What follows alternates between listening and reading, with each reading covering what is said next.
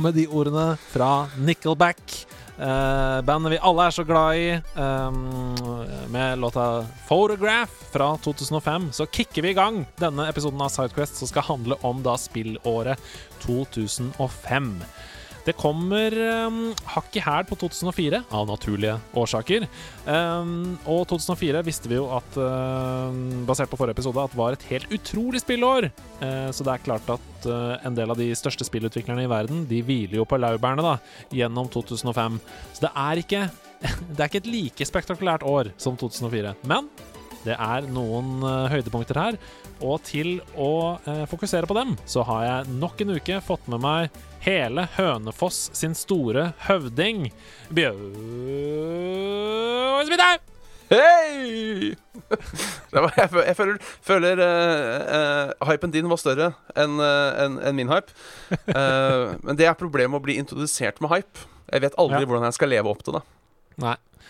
Eh, jeg syns du levde godt opp til det bare ved å være til stede.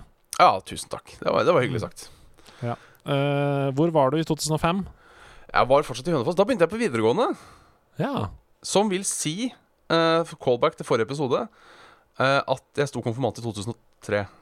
Ikke sant. Nei, vent litt hva nå, skal vi se, for da slutta jeg i tiende. Ja, for du gikk jo i tiende klasse i 2005. Ja, vet du hva, jeg sto konfirmant i 2004. Yes. Yes.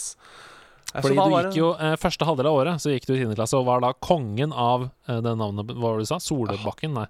Eh, Hallingby. så det var så langt unna Solbakken du kan komme. Eh, Ja. eh, så Og så gikk du da over til videregående, som var hvilken, hvilken skole? Ringerike videregående skole. Oi, Ringerike! ja. Yes. Det er jo et slags knutepunkt i regionen, er det ikke det? Ja, jo, det er jo det. Eh, kunne velge mellom Ringerike eller, eller Hønefoss videregående skole. Det var jo ikke de største valgmulighetene, vil jeg si. Nei, jeg er så, så misunnelig eh, hver gang jeg hører folk eh, snakke om eh, Oslo. Eh, og liksom sånn derre Å, jeg hadde lyst til å gå på den og den eh, Den og den videregående. Jeg måtte gå der og der. Hvor mange videregående hadde du velge mellom? Nei, sånn 30 stykker. Å ja. Å ja. Jeg hadde to, eller det vil si, jeg kunne pendle til Drammen eller til Geilo hvis jeg ville ha noen andre valg, liksom. Men det var eh, Ja. hvis det er noen hvis det er noen uh, ungfolk i Oslo nå som skal drive og velge videregående skoler Aner ikke hvor godt dere har det. Dere kunne, dere kunne vært i en av de mindre fylkene. Selv om nå, uh, helt urelatert, så er det jo Viken fylke. Om du da kan søke på uh, skoler i Østfold, det vet jeg ikke. Men Det håper jeg virkelig ikke. Og for å gå på skole i Hønefoss å være fra Moss, f.eks., det må Ja. da være ganske upraktisk. Spesielt for foreldre som skal kjøre til fotballtrening etter skolen. det, det tror jeg på. Eh, hvilken linje valgte du? Jeg valgte musikklinja. Ja. Eller musikk, dans og drama, het det vel på den tiden. ja. Var du spesielt sterk på dans, eller? Uh, nei. Uh, men jeg har da et år med dans Ja fra videregående. Ja, det husker jeg. Det var, et, det var to timer i uka, men jeg tenkte hva faen er det jeg driver med? Hva gjør jeg her? Eh, jeg er jo like Jeg er jo like limber som uh, en død raumatiker. Uh, og like grasiøs som en, eh, ja, som en død katt. Så um, det var vel ikke det faget jeg var sterkest i, for å si det sånn. Nei, husker du hva du fikk? Jeg tror det var eh, bestått, ikke bestått-fag. Ja. Så jeg fikk bestått. Ja, gratulerer. Det er Ja, jo, det er jo sterkt. Det er klart. Ja. Vi er jo to høye menn, du og jeg. Eh, Ja. som ikke, og spesielt rundt 2005 så tipper jeg vi ikke hadde sånn kjempegod kontroll på lemmene våre. Jeg, eh, jeg hadde jeg, jeg husker ikke. Var jeg, var jeg ferdig utvokst? Det husker jeg ikke. Jeg, jeg var jo en sånn som skøyt i været på Sten barneskole. Ja, ikke sant? Ja. Så eh, det er mulig jeg Ja. hadde kontroll. Til en viss grad. La oss slutte med dette pisspreket som vi bare har på starten for å utvide lengden på episoden. Ja. Eh, og begynne å snakke om spill fra 2005. Jeg Ja. sa jo innledningsvis at det var et litt labert spillår, men det, det gjør ingenting, for jeg tror at det er flere titler her du har et uh, sterkt uh, forhold til. Og jeg begynner med det beste spillet som kom til Engage, nemlig Snakes.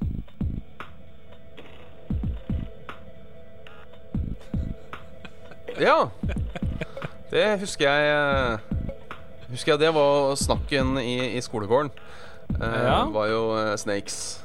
Um, og Engage, da. Alle hadde jo Engage. Ja. Det var det store hiten i Nei, vet du hva, jeg aner ikke hva du snakker om. Helt ærlig.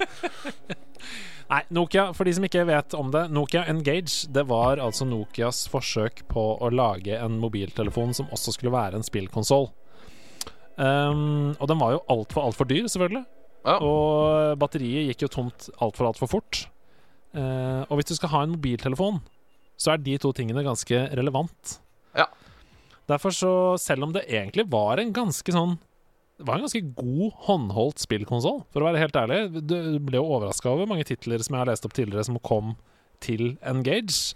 Ja. Um, så, så ødela det for den mobiltelefonen. Og Snakes det var jo da en videreføring av det klassiske Nokia-spillet Snake. Uh, og jeg husker, det var selvfølgelig nok en gang Helge som hadde Nokia Engage uh, i klassen.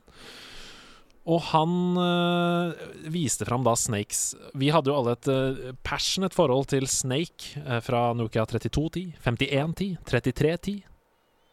Uh, men, uh, men Snakes var noe helt annet. Det var 42 baner, uh, 3D. Oi, oi. Ja, det var helt fantastisk. Det var egentlig mest som en joke at jeg tok med det spillet på starten, men nå kjente jeg at jeg hadde litt lyst til å prate litt om det. Så, men Snakes Hvis ikke det hadde vært for det, så hadde det i hvert fall ikke solgt noen eksemplarer av Nokia Engage. Nei, det, jeg, jeg kjente ingen som hadde Nokia Engage. Nei.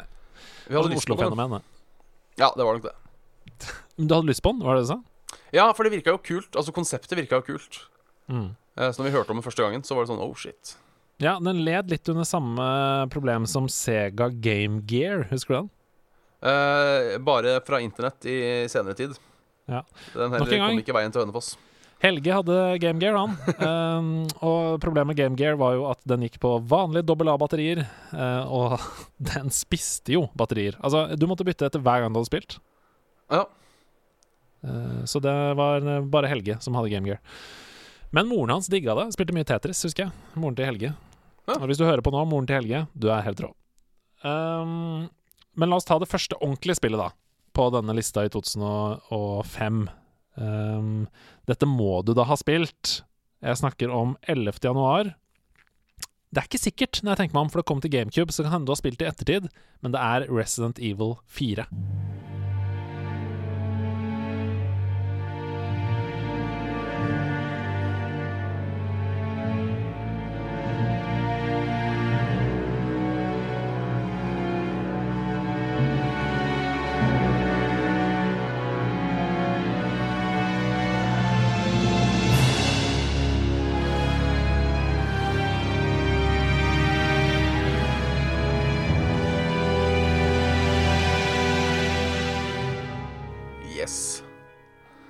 Det, det, det ble spilt.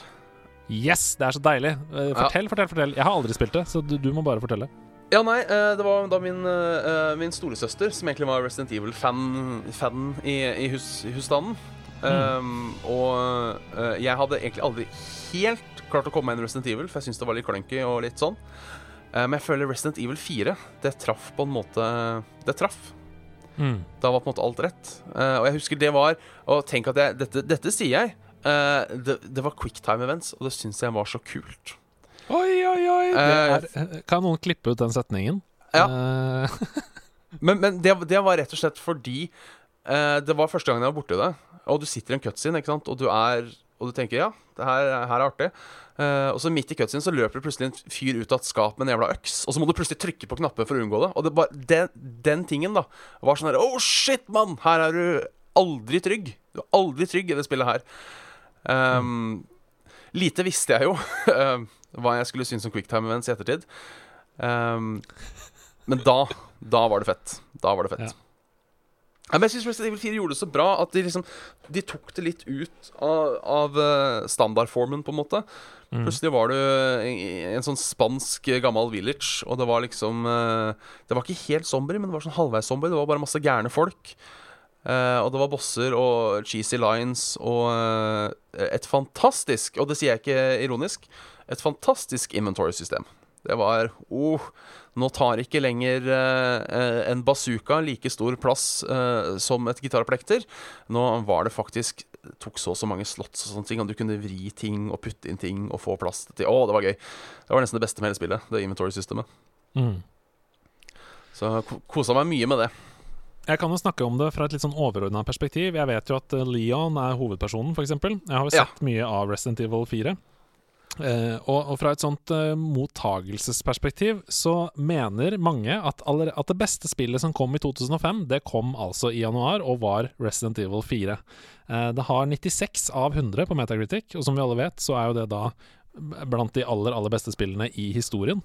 Ja. Um, da det kom, så ble det som sagt her um, One of the best video games ever made uh, fra Gamespot.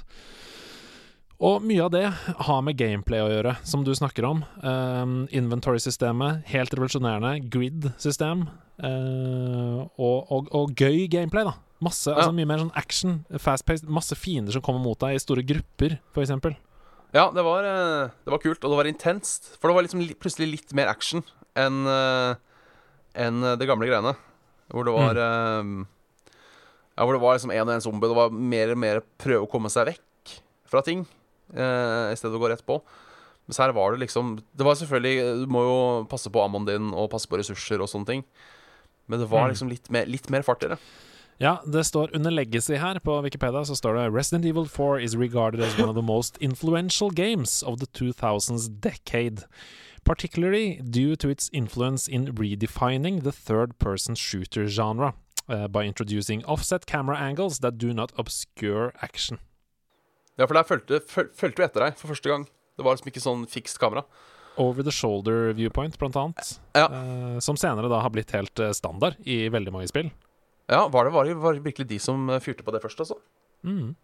Du verden. I hvert fall eh, skal vi følge mm, Skal vi følge eh, denne Wikipedia-artikkelen. Det står også at Naughty Dog eh, var heavily inspirert av Resident Evil 4 da de lagde The Last of Us. Ja, det kan jeg jo se. Mm. Det er jo det er, det er jo ikke så mye stelt da i, i, i Resident Evil 4 at du gjør noe, men um, jeg kan jo absolutt se, se utviklingen, på en måte. Mm. Ja, det er masse andre spill som også er referert til her. F.eks. For eksempel God of War fra 2018 eh, er veldig inspirert av Resident Evil 4. Eh, Hele God of War-serien, Bioshock, sier at de har lært masse av det spillet. Ja. Eh, Dead Space snakker masse om Resident Evil 4, så det er klart at det har vært viktig. Og så har jeg bare lyst til å eh, si helt eh, avslutningsvis at det er jo remake da, som er lansert. Eh, ikke lansert, men som er offentliggjort, det var det jeg skulle si. Det kommer i 2022. Ja. Uh, og den remaken har et, uh, ifølge rapportene, et større team og også en lengre utviklingsperiode enn både Resident Evil 2 og 3-remakene. Så de satser virkelig på uh, Resident Evil 4 remake. ja. Det skal jeg spille. Jeg har aldri spilt det originale spillet, men remaken um, Count me in. Det syns jeg du skal, jeg du skal telle, telle deg på, altså. Deilig, deilig, deilig. Vi hopper eh, litt tid fram til 22. mars. eh, og det første spillet i en annen serie som eh, Ja, det er ikke noe annet å si enn at det er dritbra, den serien. eh, og at eh, eh, i hvert fall ett av de spillene har gitt meg noen av mine største spillopplevelser noensinne. Jeg snakker om God of War.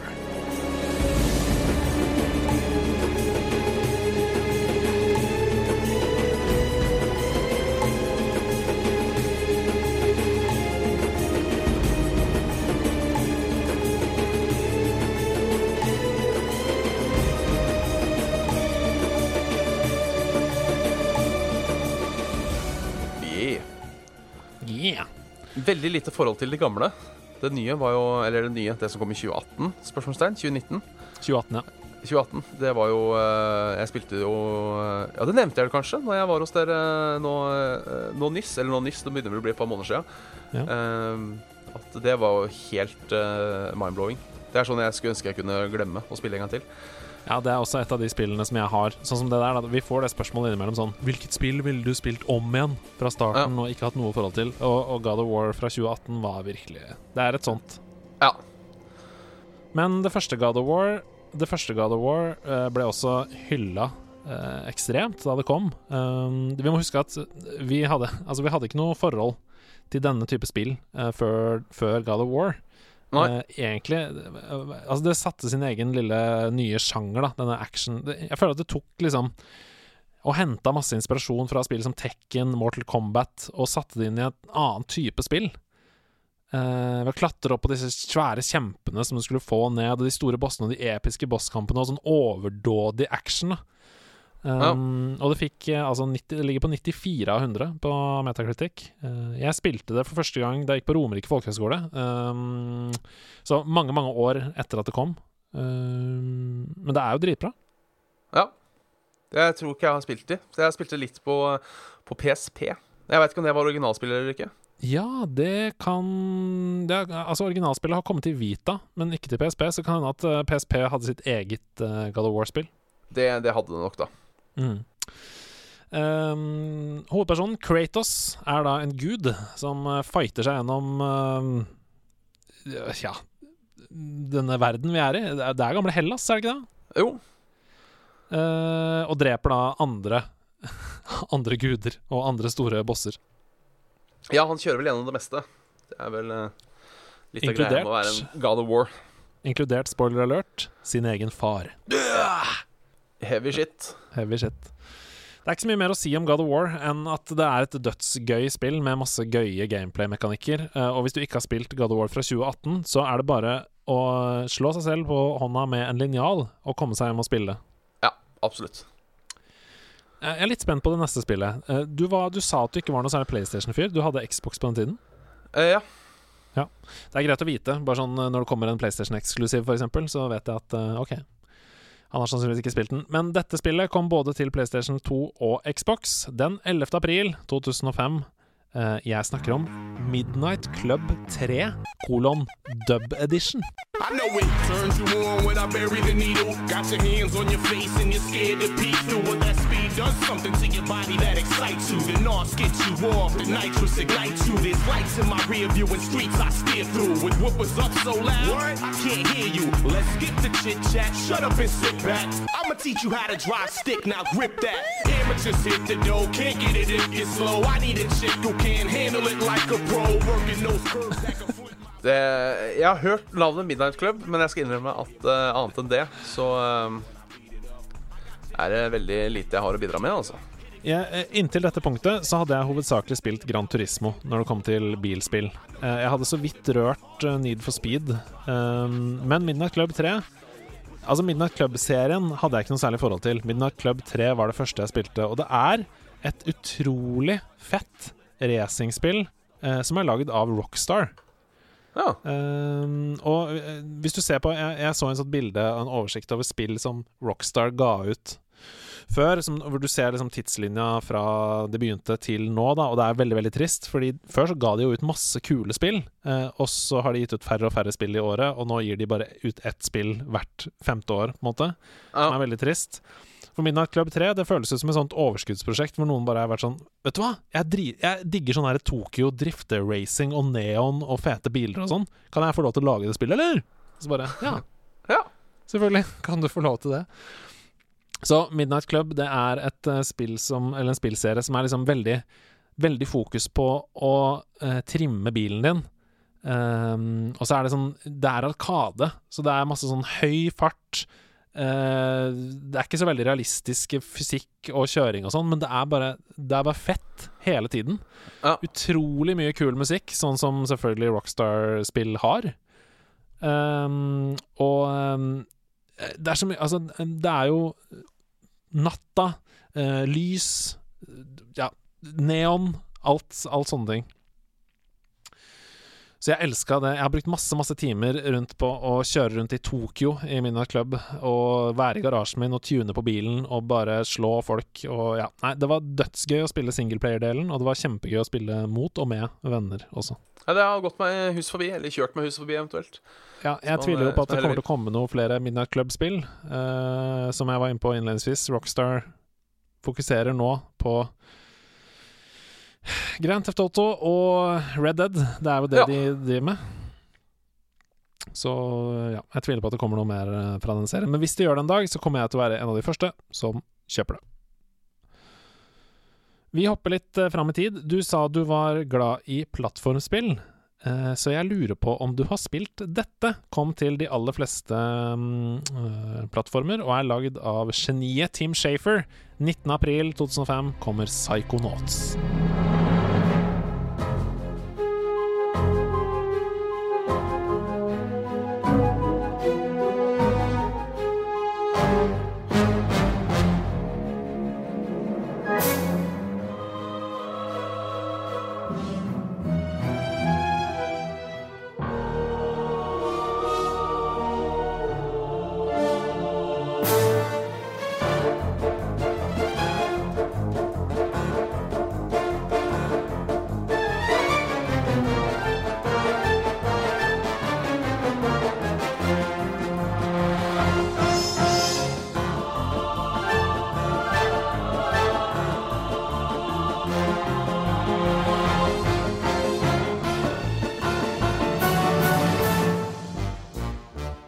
Er også et av, av skamplettene mine, holdt på å si. um, som fortsatt står, står åpent. Ja. Um, så det der, der må jeg skuffe, altså. Der må jeg skuffe. Har rett og slett jeg- ikke spilt. Nei, jeg har spilt den første tredjedelen av Psychonauts uh, i moderne tid, altså i ettertid. Så jeg spilte det heller ikke da det kom, men um, jeg har plukka det opp fordi man føler et ansvar, sånn som du er inne på her nå, for å spille en av de tingene som eh, de aller fleste snakker om. Det som er synd, er at eh, det er ikke så veldig god opplevelse å spille eh, med det moderne øyet. Det er ikke det, nei. Det er litt som å plukke opp uh, Golden Eye igjen. Ja. Det er ikke så dårlig i det hele tatt. Det er, det er gøy og sånn, men det er helt greit, føler jeg. Uh, og det er så synd, for jeg vet at mange elska det spillet da det kom. Ja. Uh, vet du noe om det i det hele tatt? Eh, egentlig ikke, annet enn at det er Team Sheffer. Ehm, Og at du sikkert er en psychonaut. Psychonauts det er et spill som handler om eh, ja, En hovedperson heter Raz. Du kontrollerer han i tredjeperson view. Eh, du kan skyte, du kan hoppe fra plattform til plattform. Litt som en eh, Ratchet and Clank eller en eh, ja, Donkey Kong 64, på en måte. Det er en 3D-plattformer. Oh. Eh, men det som er kult med det, er jo historien. Det er et veldig veldig bra manus. Det er morsomt, uh, det jeg har spilt. Og så er det den uh, på en måte funksjonen som er at du er i en camp, som er den ekte verden, men så hopper du på en måte ut og inn av sånne mentale uh, verdener, som er i, inne i karakterene du møter i spillet, sin, sitt hode. ja.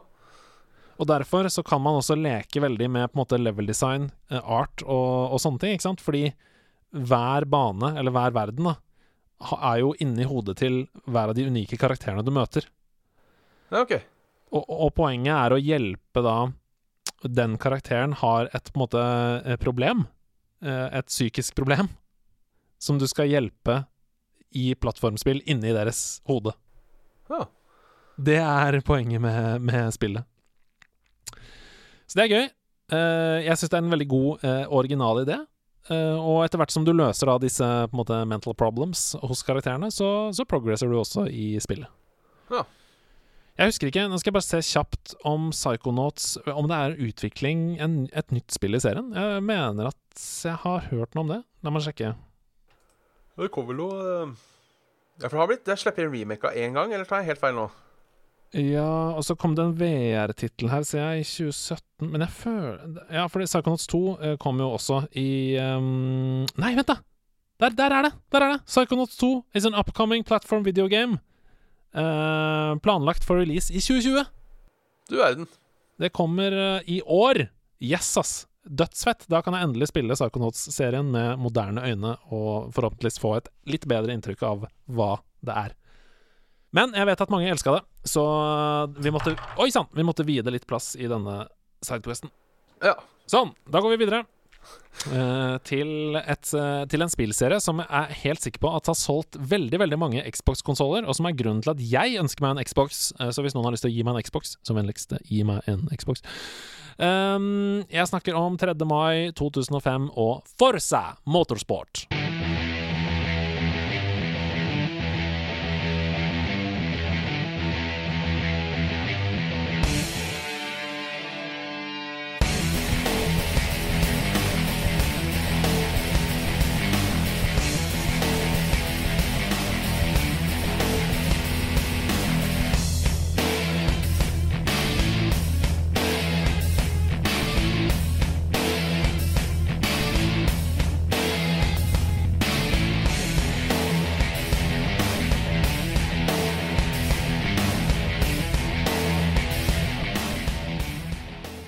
Forsa. Fortell, har du spilt uh, Forsa? Uh, ja, men jeg tror ikke jeg har spilt det første. Jeg har aldri vært sånn uh, bil, veldig inn på bilspill. Mm. Jeg syns bilspill er uh, gøy i to timer, og så uh, er det sånn OK, nå har jeg kjørt bil. Det har aldri, aldri vært eh, Aldri vært en, en, en, en sjanger som liksom har, har sugd meg inn. Nei, jeg skjønner.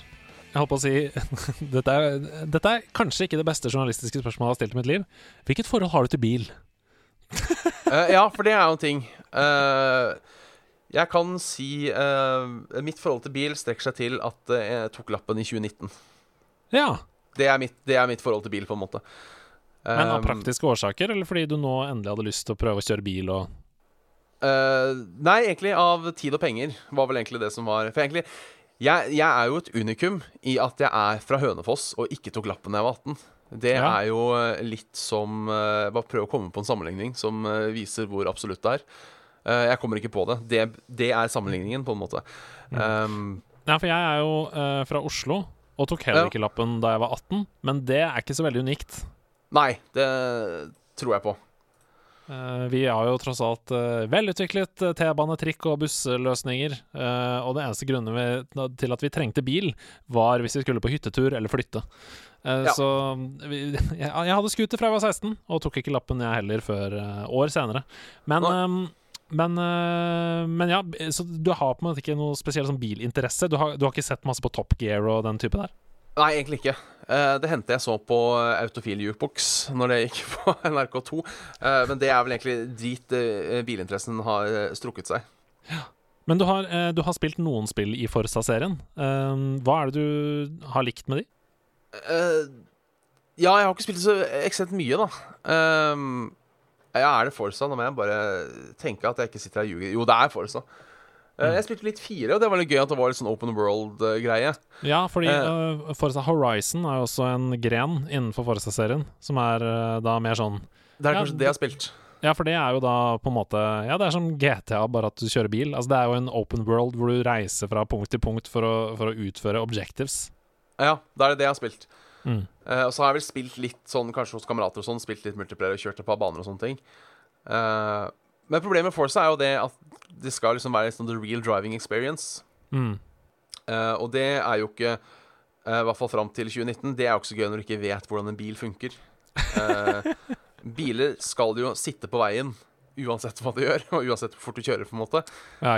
Um, og i verste fall kanskje du, kanskje du slår hekken inn i, inn i autovernet, men det går bra, for du mister jo ikke kontrollen av det. Du bare mister litt fart, og så kan du kjøre videre. Uh, Mm. Det er på en måte det som er forholdet mitt i bil, at det funker sånn. Jeg vet jo at det ikke har vært eh, sant. Um, men jeg som aldri helt klart den der realistiske bilkjøringa i spill. Nei. har eh, aldri vært uh, min, min forte. Det som var uh, gøy, det var jo at frem til Forsa kom, så var Gran Turismo uh, det eneste på en måte bilsimulatoren på markedet som hadde Altså, de hadde monopol, basically. Ja. Um, Og Forsa var rett og slett uh, the student who became the master. Ja. Da Forsa kom, så eh, kom det ganske samtidig som Gran Turismo 4. Eh, og de aller fleste sa at Forsa er et mer realistisk spill og bedre enn Gran Turismo 4. Og det sjokkerte jo eh, bilsimulatorspillverden. Eh, OneUp.com eh, skrev annet 'This is the most realistic console racer ever made'.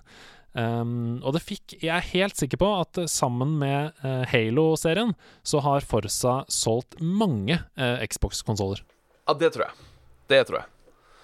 Det- Så Forza har alltid vært mitt uh, påskudd til å få meg en, eh, en, en Xbox. Um, det har åpenbart ikke vært nok til at jeg har uh, kjøpt For det er egentlig Forza er den eneste eksklusiven på Xbox som jeg har sikla skikkelig etter. Um, jeg, jeg spilte på en måte Altså, selvfølgelig, du vet det er mange andre eksklusiver også, men de har liksom spilt hos venner. Uh, jeg jeg hadde så utrolig mange timer nede i Gran Turismo hvor jeg bare satt alene og grinda, og tenkte sånn Det vil jeg også på Xbox med Forza. Ja. Vi går videre, vi. Eh, 18.10.2005. Vi skal til ja, på en måte en oppfølger, fordi veldig mange hadde kost seg med det første spillet Ico. Jeg snakker om Shadow of the Colossus.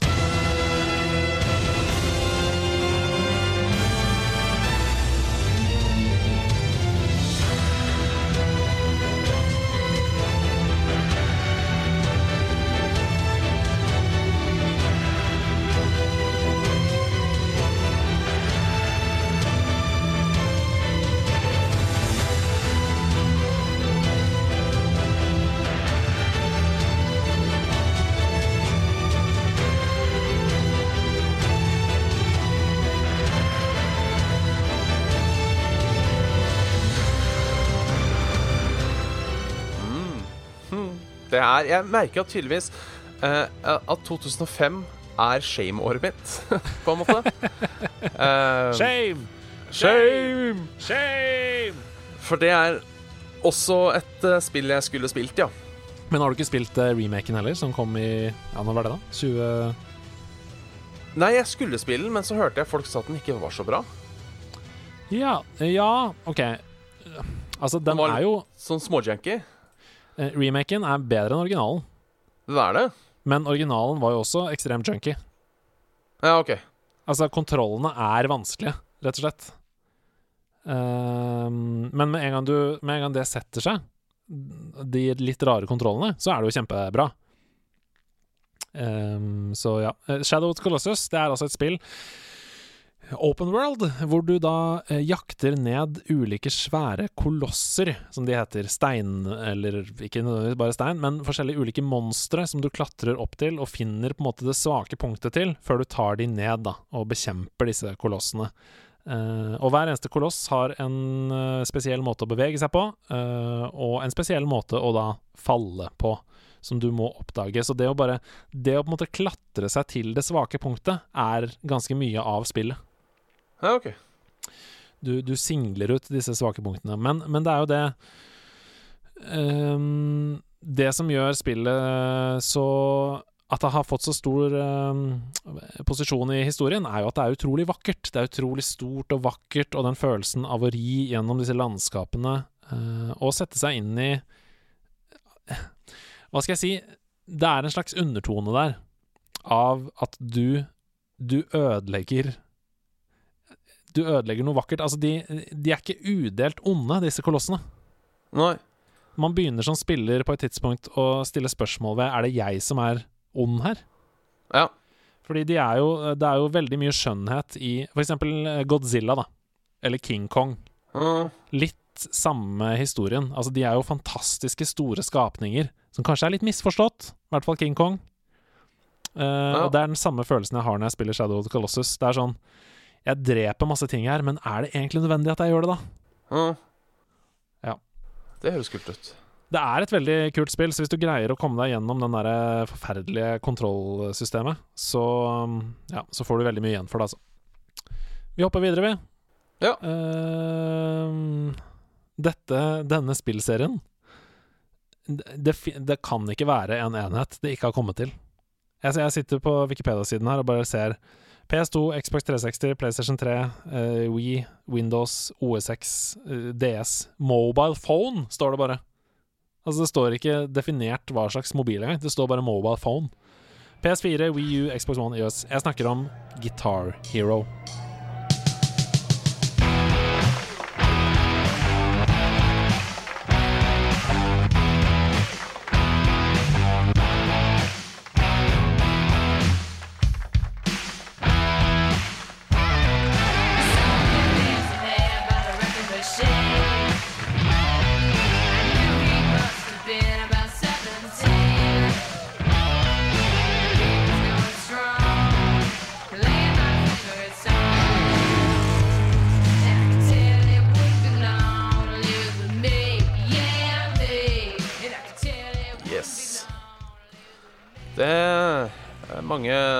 Frustrerte kvelder.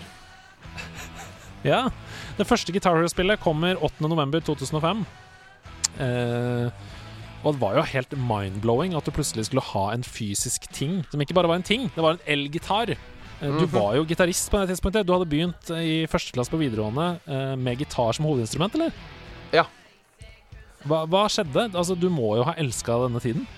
Det var det jeg ikke gjorde, skjønner du. Eh, fordi eh, jeg kjøpte gitar, og jeg syns det var kult, og jeg syns fortsatt konseptet er kult. Eh, men så var det det hvis jeg satt og sleit med en sang, eh, og liksom ikke helt fikk det til, så var det en tanke som slo meg at vet du hva, eh, fem meter fra meg så har jeg en ekte gitar. Kanskje jeg heller skal sitte meg ned og slite for å få til den, eh, og heller spille samme sangen på ordentlig. Så det, det det ødela litt for meg, på en måte. Så for meg ble egentlig uh, Guitar Hero sånn uh, partyspill. Ja. Eh, som man spilte sammen med, med venner og sånne ting. Uh, og som jeg ikke så vitsen av å bli god i. Nei. Hvis det er mening. Jeg håper ikke jeg treffer et sårt punkt her, men er du en type som gir opp lett, eller? Ja, det er jeg. Uh, det, det skal si det skal sies. Nei, men altså, som, som jeg, nok en gang, som jeg nevnte da jeg var hos dere, jeg syns spill skal være gøy. Og spill er for å ha det gøy. Og jeg har ikke helt den derre at jeg må bli god i spillet. Det, det har aldri helt vært meg. Nei. Jeg skjønner hva du mener. Eh, Guitar Hero er jo da eh, et av Stians eh, store høydepunkter gjennom livet. Han har virkelig lagt ned timer i det. Som vi Ja. også da så på Unicef-streamen vi hadde, hvor vi spilte Clone Hero. et spill han aldri hadde spilt, men naila nest, nesten Through Fire and Flames, da. Oi. på direkten. Du verden. Da er du Um, hardcore. Ja, nei, Guitar Hero det er et spill hvor du spiller på en plastgitar. Og hvor det kommer opp eh, knappekombinasjoner på skjermen som du skal trykke på til musikken. Og noe av det som gjorde det så eh, stor suksess, var jo at dette var et, eh, som du var inne på, veldig, veldig kult partyspill. Eh, fordi det var jo masse fet musikk i det. Det var det. Så du kunne sitte der med vennene dine, eh, drikke både Pepsi Max og sterkere saker, eh, mens du da knatta det på disse Guitar Hero-knappene. Det, det som jeg har slått meg i ettertid, det er at jeg tror aldri jeg hørte om en gitar som ble ødelagt. En Guitar Hero-gitar. Nei, der sier du noe. Er ikke det helt sjukt? Jo, det er faktisk sjukt. De må ha vært laga av titanium eller noe sånt nå. Eh, For de fikk jo eh, hard medfart, som man sier. Altså, de fikk jo så mye juling, og det var jo aldri noe sånn slag i den der eh, greia på høyre, den der tingen du knatter opp og ned, eller knappene på Nei. venstre, eller noen ting. Mens for eksempel Nintendo 64-kontroll, det var jo også mye partyspill som ble gjort på den, eh, og den ble jo ødelagt med en gang, den analogstikken. Ja, den, eh, den var jo fattig, rett og slett. Den var dårlig. Ja, det var dårlig. Så um, ja, det var eh, Engineer eh, Award til den gitaren. Ja. Det skal, skal si det, for jeg, jeg spilte jo litt, uh, og så, som jeg sa, fant ut at det her var litt tullete. Mm. Uh, men så kom uh, rockband, og da var det med trommer. Eh, Ja, og det ja, ja. følte jeg var litt sånn Litt mer OK. For da s- eh, bortsett, bortsett fra plassering, holdt på å si, da spilte du jo faktisk samme rytmene Mm. eh, som du gjør i sangen. Eh, så når Beatles rockband kom, så Mm. mener jeg at da var, det, da var det rett ut å kjøpe. Da var du solgt. Hvem eh, av de stakkars vennene i vennegjengen din måtte spille bass? Eh, det var eh, Det var Christian, shout-out, fordi han, han var jo bassist en jeg gikk på musikklinja med. Ja. Um, så han ble på en måte tilfalt det. Fordi Eh, akkurat kanskje- der Ja, nei, fortell. Ja, nei, det var kanskje vi som spilte mest, eh, mest eh, rockband sammen. Og da var det enten eh, Da var det som regel meg, på, meg på trommer, for jeg syns det var gøyest. og, og han på bass eller gitar, da, for da kunne han jo velge litt selv. Men jeg tror han Ja. spilte en del bass òg, altså. Ja, fordi det som Akkurat der så mener jeg at uh, overgangen mellom den virtuelle verden og den virkelige verden ikke var spesielt god. Fordi uh, det som er gøy med å spille bass, det er jo at du hører at det liksom drønner skikkelig i kabinettet, og du står der og liksom wo- Altså, du legger en skikkelig, et skikkelig grunnlag for resten av alle, da. Du er liksom Ja. pulsen som går gjennom musikken. Men når du spiller bass i i rockband, så er du bare en liten sånn i bakgrunnen. Det er, ikke, det er ikke den ville basslyden som runger gjennom kjellerstua der, liksom. Og da blir det bare Da står du der med en liten plastting, da, og legger noe Legger Ja. noe liksom Oi, nå kommer det Er det, er det action? Ja, det kommer en politibil her. Kanskje det, kanskje det var en bassist som var uenig med meg. Det, det kan hende.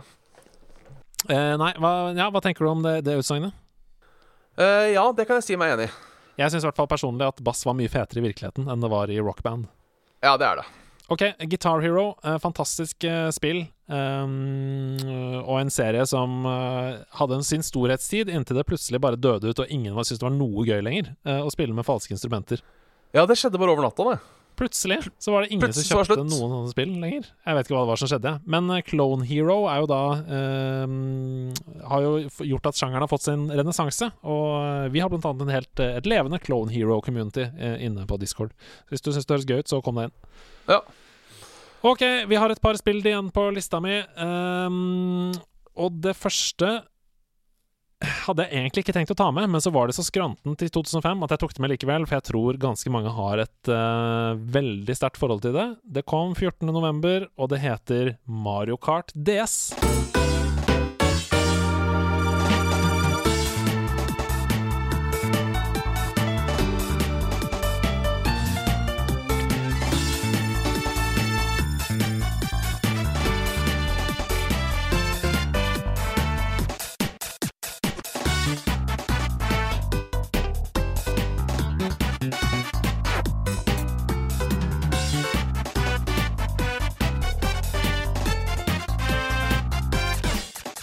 Ja. Har du spilt det? Har du hatt Jeg DS? Eh, Jeg har hatt DS. Eh, Jeg har aldri hatt spillet, men jeg tror jeg har spilt det.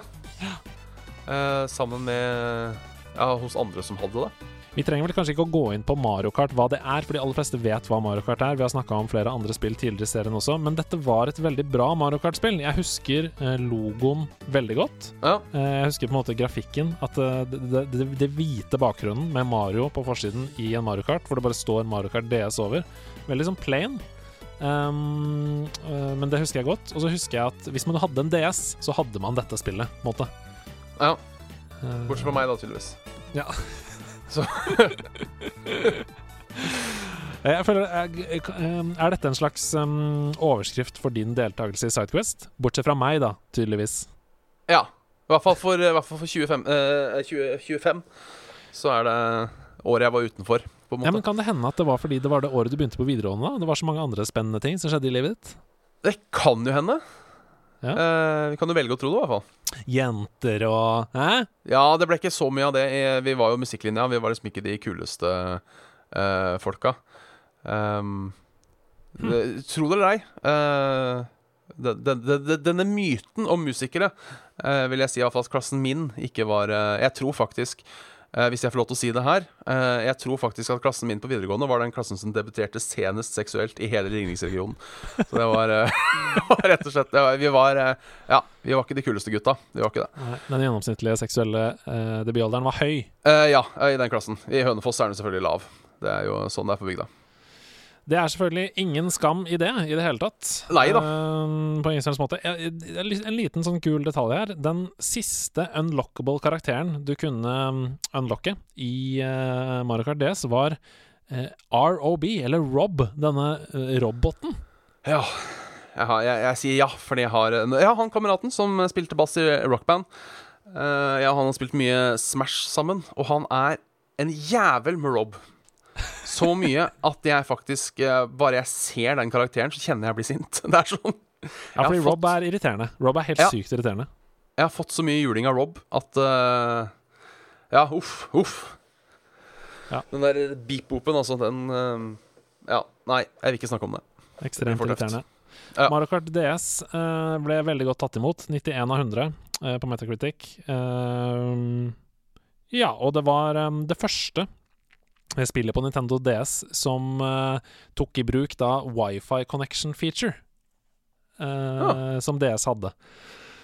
Så det ble da eh, Altså, som det står her By the end of its debut, debut week in the United States 112,000 people purchased the game of which 52,000 of them had logged onto Nintendo Wi-Fi to play against other people over the internet. Og det er ganske imponerende uh, at uh, halvparten av de som kjøpte spillet i løpet av den første uka, også hadde spilt mot andre på nett. Huh. Så ja. Det var eh, det rett og slett Nintendos steg inn i online på, mm, på, helt på ekte. De har jo alltid vært litt etter. Uh, De har det. Vi skal til det siste spillet på lista. Nok en shame for meg, for jeg hadde, jeg hadde skrevet opp det første spillet i denne serien eh, til den episoden av Sidequest, men så greide jeg å av en eller annen grunn blingse meg forbi det på lista. Så her eh, vi snakker om nummer to i serien eh, i stedet, og jeg tror kanskje det er bedre enn det første. Eh, mange mener nok det. Jeg snakker om Kingdom Hearts 2.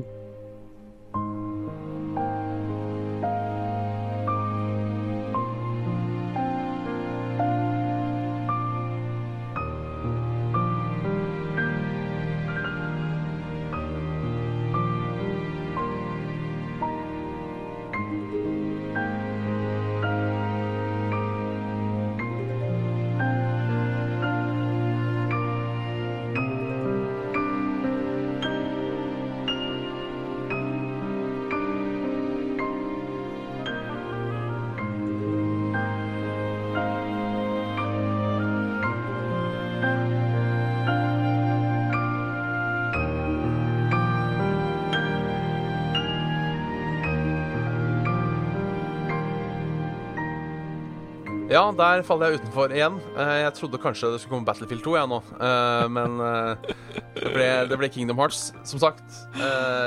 JRPG-er og sånne ting. Ja. Men jeg har jo hengt nok med Jeg har jo hengt nok med Carl Martin i level up at jeg føler at jeg har spilt Kingdom Hearts. på en måte Ja, ja, men du vet hva det går ut på. Ja da, det gjør jeg. det gjør jeg Fortell. Nei, det er jo Final Fantasy meets Disney. Eh, av en eller annen grunn. En Eh, kombinasjon er som på papiret høres helt fucka ut, men som har vært veldig bra. Hvis det funker, så drar man til forskjellige steder i Disney-universet og, og noen Final Fantasy-univers med karakterer. Man har da en ny karakter, og så har man et keyblade som gjør et eller annet, og så er det en helt fucka story uh, som ikke gir noen mening, med mindre du har spilt absolutt alt og tilbringt 17 timer daglig på diverse online-forum og diskutert. Uh, og så kom treeren nå i, i fjor og på en måte ga den slutt, men ikke helt. Litt usikker. Mm. For det er eh, Ja. Uh, Kingdom Hearts 2 er et action-RPG, basically. Ja. Eh, og det Ja, du, du, du- facer masse fiender og slår dem med dette keybladet og uh, utfører kombinasjoner av angrep og blir bedre og bedre etter hvert som du kommer dypere og dypere i spillet. Uh, Kingdom Hearts 2 er også sett eh, og omtalt som et av de beste TV-spillene som er lagd. I løpet av de første to ukene spillet hadde vært på markedet, så solgte det over én million eh, kopier.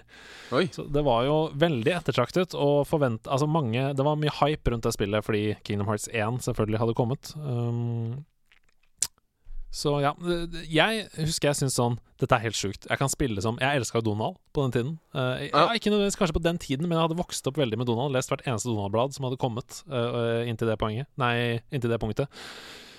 Eh, Der tenkte jeg på engelsk, hørte du det? Up to that point, tenkte Ja. jeg. Så sa jeg poenget. Um, så, sånn snakker vi i Sidequest.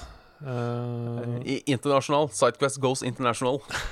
ja, mer det at jeg bare sier ting jeg tenker på. Uh, sensurerer meg kanskje mer i nederlandslaget. Men ja um, Kule bossfights. Uh, det er jo selvfølgelig, som i veldig mange andre spill, kampen uh, det gode mot det onde. Ja, det er en klassiker, det. Det er en klassiker. Um, og Kingdom Hearts-serien er eh, viktig i spillhistorien. Jeg har ikke spilt det nok til å kunne snakke for mye om det, rett og slett. Jeg har bare vært innom det. Og så har jeg sett hele Jeg har sett veldig mye av Carl sin sånn hardcore-serie. Ja. Eh, så ja, men det er hack and slash. Det er eh, masse fiender. eh, en helt syk historie, som du snakker om.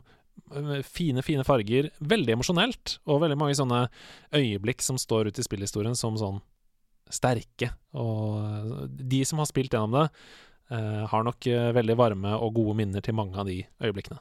Det er noe ja det, virker, det virker det som. det er noen dødsfall der, blant annet, som jeg ikke skal gå nærmere inn på. Um, som nok uh, gjør vondt for alle de som har uh, sterke forhold til det. Ja. Men uh, har ikke du lyst til å Jeg tenker sånn nå har, nå har jeg egentlig tenkt å lukke posen for 2005, men inntil siste sekund så var også Battlefield 2 på denne lista. Og så fjerna jeg Ja. det rett før vi skulle begynne å spille inn. Har du lyst til å snakke litt om det, eller? Ja eh, Nei, bare at det var jeg, jeg trodde faktisk det var litt eldre enn 2005. Eh, men det var jo den jeg, jeg vet ikke. På en måte så var det litt skuffende, på en annen måte så var det ikke skuffende. Eh, fordi jeg husker hypen til Battlefield 1942. Den var så stor. Ja, og det det var var jo helt helt sinnssykt bra, det spillet. Vi snakka om det i forrige episode av Sidequest. Ja. Eh, så man forventa bare dette bare bedre. Men jeg tror kanskje jeg likte 1942 bedre, når alt kom til alt. Mm. Uh, men eh, ja, det, det, føltes, det føltes, litt mer, føltes litt mer større. Jeg vil kanskje si at Battlefield 2 uh, er nærmere Battlefield som det er i dag, Mm. enn det Battlefield 1942 var. At det var på en måte der det tok uh, overgangen. Mm. Eh, og da, akkurat da, på det tidspunktet, nok en gang ting man sa i 2005 som man eh, eh, ikke sier lenger. Akkurat da var det litt spennende at det gikk litt bort fra andre verdenskrig. Og liksom tok litt mer sånn og satt i en moderne setting. Ja. Eh, fordi var det én ting det faktisk var manko på en gang, eh, så var det Desert Combat eh, og på en måte moderne krigføring. Mm. Um, jeg husker jo eh, Jeg spilte jo en mod til Battlefield 1942 som het Desert Combat. Som på en måte virka som en, en, en Battlefield 1,5. Uh, for det var på en måte Battlefield 2, bare i Battlefield 1-motoren. Mm. Um, så for meg så føltes Battlefield 2 litt som om man endelig fikk spille Desert Combat som om Dice hadde laga det. Hvis det er mening. Mm. Ja, ja, definitivt. Ja. Så um, Nei, det var Battlefield, det var skyting, og nå var det fly, og det var helikopter, og det var, eh, det var liksom alt. Så det var bare Det var større og bedre, men jeg føler allikevel at det mangla litt den derre Sjarmen som Battlefield 1942 hadde. Føler jeg forsvant litt. Jeg er helt enig. De eh, tok på seg the big boy pants og måtte strømlinjeforme det litt mer. Slipe Ja. av noen eh, edgy corners etc. Men fortsatt, det står igjen i spillhistorien som et veldig bra spill, og i det litt skrantende året 2005 så vant det bl.a. GameSpot sin pris for Best Multiplayer Game. Ja. Um, og også Game Critic Awards så fikk det Best Online Multiplayer, så det var jo ehm, åpenbart mange som spilte det online, eh, og, og det prefererte online skytespillet, sannsynligvis, i 2005. Ja, det tror jeg nok du gjorde. Mm. I hvert fall uh, massive uh, Ikke like massive som massive online multiplayer, men uh, litt massive var det jo. Mm. Det var vel, kunne vel være et 30, 64 til sammen på et map, kunne det ikke det? 32 på hver side. Mm. Så det var jo Det var jo reine slagmarka. Endte opp med 91 av 100 på Metacritic. Og bare ta med helt på slutten her et sitat fra Computer Games Magazine, som skriver Perhaps the most thrilling example of how far shooters have come in the last few years. Ja. Så ja, det er som du sier også, de la til helikoptre og fly og uh, vant markedet på det. Uh, Battlefield 2 uh, var et kjempebra spill. Og da sier jeg til deg tusen, tusen takk for at du var med i hele to episoder av Sidequest, hvor vi har tatt for oss 2004 og 2005. Um, hva, har du noe inntrykk? Sitter du der med noe inntrykk nå? Hva, hva føler du? Ja, vet hva, jeg, det jeg føler Jeg har alltid sagt uh, Jeg har alltid tenkt at Sånn rundt 2012, husker jeg ikke akkurat årstallet, 11-12, var sånn golden era of gaming, har jeg tenkt. Uh, og jeg lurer liksom på når neste kommer. Ehm, men så ser jeg nå, i hvert fall etter forrige episode, at kanskje 2004 var en sånn insane år. Sånn høydepunktår. Ehm, så jeg vet ikke. Men man tenkte jo ikke det da. Så det, det som er litt hyggelig med å se tilbake, uh, og det er jo som alt Det er jo som uh, Nå har jeg glemt hva han heter. Andrew Bernard sier i The Office. Uh, skulle ønske det var en måte å vite at man var i the good old times når man fortsatt var i de. Eh, og det å få meg til å se tilbake, det får meg til å tenke på det. At kanskje vi skal uh, For man tenker, Det kommer så mange spill, spiller med det, ja, det var bra, liksom. Men man sitter allikevel og kanskje er litt nostalgisk til den gangen gaming hvor det bare var gode spill. Um, jeg, jeg mister meg selv litt nå. Jeg mister meg selv litt nå Det jeg prøver å si, at det er, det er med spill som det er musikk og med film. Man tenker at før så var det bare bra ting som kom. Det var fordi man har glemt drittet. Eh, så vet du, Hvis du spiller et dårlig spill i dag, så kanskje tenk sånn Ja, men jeg skal tenke på alle andre bra spillene jeg spiller. Jeg kommer til å se tilbake Jeg kommer til å glemme det spillet her når jeg ser tilbake. Så kommer jeg bare til å huske det bra. Ja, det er utrolig gode ord å avslutte Sidequest-episoden på. Og så Ja, tenker jeg Litt bare rotete, men uh, ja. Jeg tenker jeg inviterer deg tilbake til sånn 2012. Hvis du, ja. Ja, det hadde vært artig. Det hadde vært artig. da har vi en tentativ avtale på det. Tusen takk for at du var med. Tusen takk for at du hører på. Tusen takk for at du støtter oss på Patrion. Adios, genoritas und geniors. Adios.